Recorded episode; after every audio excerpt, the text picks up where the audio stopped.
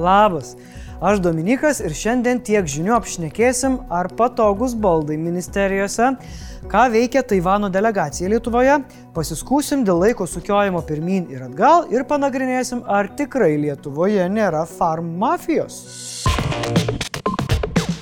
Panašu, kad kultūros ministro kabinetas bus papuoštas visai kitais baldais, nei buvo planuota prieš tai. Liberalas ir ministras Simonas Kairys teigia, kad sutartis dėl baldų jo kabineto pirkimui iš bendrapartiečio įmonės bus nutraukta. Anot Kairio, tai anaip tol nereiškia, kad jis jaučiasi neteisus. Tačiau jam yra gaila sprendimų, dėl kurių prieimimo iškilo šitiek daug vienokių ir kitokių klausimų. Žodžiu, sutartį nutrauksim, nes jums kažkas netinka.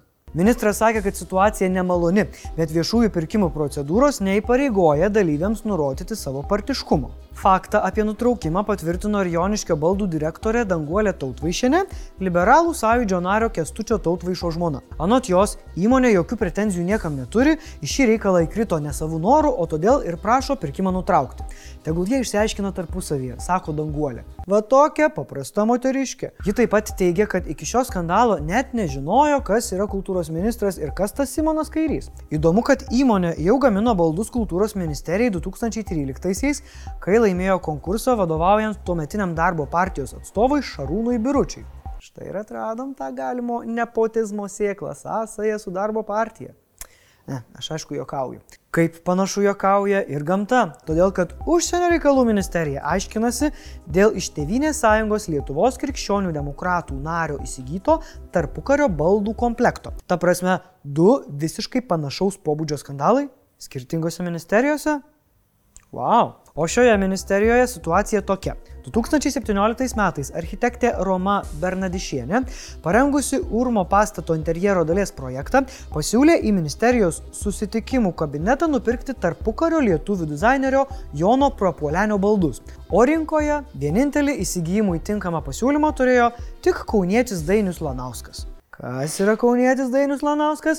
Teisingai, konservatorius, kaip ir ministerijai vadovaujantis Gabrielius. Tiesa, ministerija nurodo iki sutarties pasirašymo šių metų pavasarį nežinojusi, kas bus kita sandorio pusė. 15 min pranešė, kad gegužė ministerija už 23 tūkstančius eurų įsigijo Propolenio baldų komplektą. Anot ministerijos, reprezentacinėms erdvėms tinkantis ir istorinę reikšmę turintis baldų komplektas įsigytas pagal projekto autorės rekomendaciją. Aiškinama, kad ministras nedalyvavo jokiuose pastato rekonstrukcijos projektavimo etapuose ir baldų įsigijimo procedūroje. Nors šiaip jis atrodo kaip žmogus, kuriam būtų įdomu pirkti baldus. Hmm?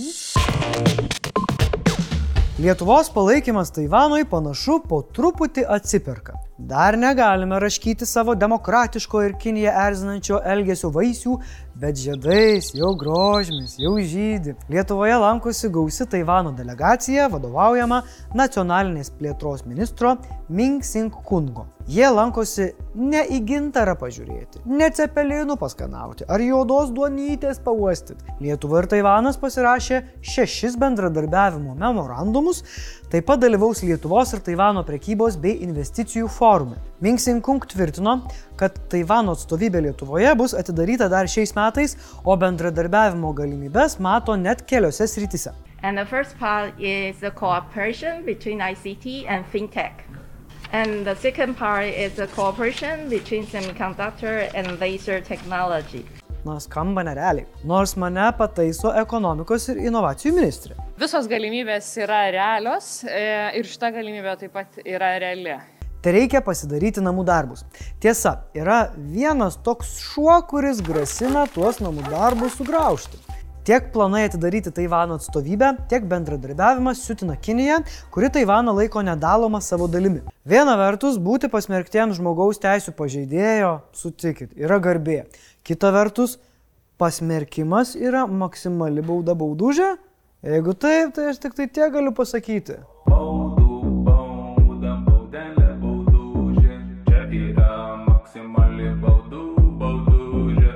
Politikai skirtingai mato šią situaciją. Gediminas Kirkilas teigia, kad Kinija iš keršto gali pradėti remti mums priešiškas valstybės. Seimo narys Raimondas Lopata priminė, kad Kinai jau bandė spausti Švediją ir Čekiją, bet tai minėtų šalių nesužlugdė. Konservatoriaus Mato Maldeikio teigimu, mums naudingiau yra draugauti su mažesniu, bet demokratišku Taivanu.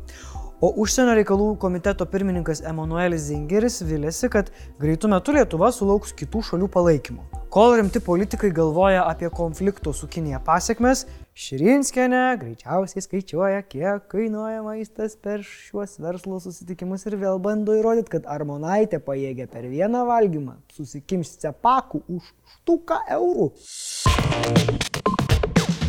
Jei namuose turit sieninį laikrodį, o ant rankos nešiojat ne smartwatchą, Šį sekmadienį teks pasukioti rodiklės. Iš šeštadienio į sekmadienį 4 val. nakties bus įvestas žiemos laikas. 1 val. suksim atgal. Klausėt, o tai nebuvom jau nusprendę, kad nafik to reikia? Atsakau, kaip ir buvo, bet kaip ir nebuvom. Panašių klausimų į ES institucijas laišku kreipėsi susisiekimo ministras Marius Kuodis. Būtų prezidentas žinotų, jog nelaiškais problemos sprendžiamos. Bet ministras priminė dar prieš ketveris metus Europos komisijos pateiktą pasiūlymą panaikinti sezoninį laiko keitimą. Jis ragino koordinuotai ir greitai visos sąjungos mastu išspręsti šį valandų genocidą. Anot Anot jo, tyrimai patvirtino neigiamą sezoninio laiko keitimo poveikį sveikatai. Skuodis pažymi, kad konsultacijos parodė, jog nuolatinio laiko įvedimas neturės poveikio ekonomikai, jei laikas šalyje skirsis nedaugiau kaip dviem valandom nuo vakarų Europos šalių ir jei laiko keitimo bus atsisakoma koordinuotai. Mm, kol kas tik pliusai. Europos komisijos visos sąjungos mastų surinktose konsultacijose net 84 pasisakė už sezoninio laiko atšaukimą. Tačiau dėrybos dėl laiko yra sustojusios. Paskutinį kartą klausimas buvo svarstytas prieš pandemiją. Tuomet europarlamentarai sutarė, kad valstybėse pasirinkusiuose vasaros laiką laikrodžiai paskutinį kartą bus persukti paskutinį šių metų kovo sekmadienį, o pasirinkusiuose žiemos laiką ateinantį, tai yra paskutinį spalio sekmadienį. Tačiau tam, kad šis teisės aktas būtų priimtas, jį turi patvirtinti Europos parlamentas ir ES taryba. Jie to nepadarė. Lietuvoje daugiau nei pusė gyventojų norėtų pasilikti vasaros laiką. Nežinau, ar jie supranta, kad vasaros laikas tai nelygų vasarai. Kam mes iš vis čia tą laiką sukaliojam? Laikai įvesti, kad būtų efektyviau išnaudojamas šviesusis paros laikas. Susitaupo šis beitas ant elektros. Jūs patys jau laukiat, kol galėsit valandą ilgiau pamiegoti, ar geriau visada turėti tą patį laiką ir nežai šitų sukaliojimo nesąmonių? Žinot, kur pasisakyti, žinot. Specialiųjų tyrimų tarnyba Seimui pateikė analizę apie kompensuojamų vaistų pinigėlius ir korupcijos rizikas, susijusią su farmacijos įmonių teikiamą paramą. Paprasčiau paaiškėjo, į kieno kišenę nugula valstybės pinigai už kompensuojamus vaistus ir kiek farmacininkai moka medikams. Per šešerius metus išlaidos kompensavimui padidėjo daugiau nei 70 procentų. Bet čia nieko blogo. Blogai yra padidėjusi koncentracija. STT duomenimis daugiau nei 90 procentų sumos atiteko vos 17 farmacijos įmonių gaminamų vaistų kompensacijoms. STT tame išvelgia rizikas ir sako, kad reikėtų inicijuoti paramos teikimo ir gavimo skaidrumo įstatyminius pakeitimus. Aš neįsivaizduoju, kaip dabar samokslo teorijų kuriejus įtikint, kad nėra jokio big pharma ir kad farmacininkai nevaldo pasaulio. Bet čia dar ne viskas. Paviešinta ir tai, kiek žvangančių iš farmacininkų rankos nusėdo medikų kišenėse. Pasirodo, vos keletas medikų susirinko įspūdingas sumas. Už ką? Už specialisto suteiktas paslaugas, dalyvavimą profesiniuose renginiuose, kvalifikacijos kelimą ir panašiai. Kiek? Įvairiai, bet šimtais tūkstančių. Pavyzdžiui, top dosniausių trejetuko sumos atrodo taip. Novartis virš 200 tūkstančių, Berlin Chemie virš 176 tūkstančių, o AstraZeneca Lietuva kiek daugiau nei 150 tūkstančių. Yra ir medikų topas. Daugiausia pinigų iš farmacininkų gavo KR, JKP ir AK. Čia inicialai, nes tik tokią informaciją galima pateikti. Kas tas KR? Jei čia jūsų specialisto inicialai, paklauskit. Kas čia per parama? Nors oficialiai nurodoma, kad mediko gaunama kompensacija nėra atlyginimas už įmonės produktų siūlymą, STT įtarė, kad gali būti būtent taip. Tave išveža į seminarą arba duoda pinigėlių, o mainais nori, kad pacientams siūlytum kremukus ar tabletės. Seimas reaguoja. Mykolas Majauskas siūlo viešinti visą paramą. Jam antrina finansų ministrė Rūta Bilkštytė, viešumas ir skaidrumas būtų naudingas. Tikiuosi, taip greitai ir bus. O jei jums jūsų šeimos gydytojas primiktinai siūlys dėlės ar taures ant nugaros, pasidomėkit, ar jo neremia dėlių mafija ar big stiklas. Blitz naujienos. ES teisingumo teismas įpareigojo Lenkiją mokėti po milijono eurų per dieną už ginčą dėl teismų. Bauda skirta už nurodymo stabdyti reformą nevykdymą.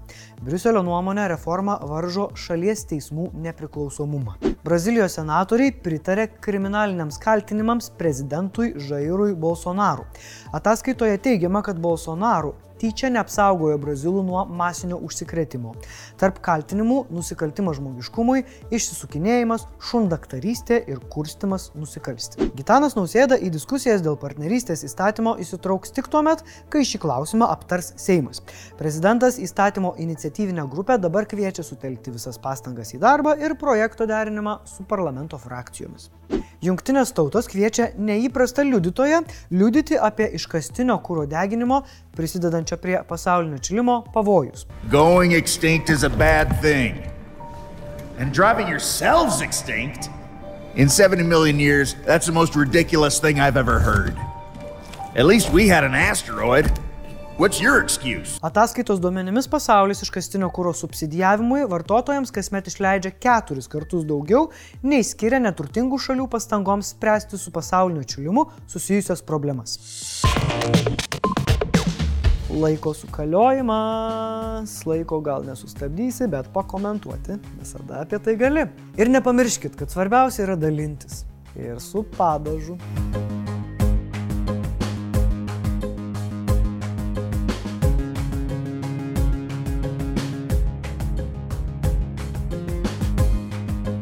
Ačiū šiandien tiek, rytoj Timūras, susitiksime kitą savaitę. Iki.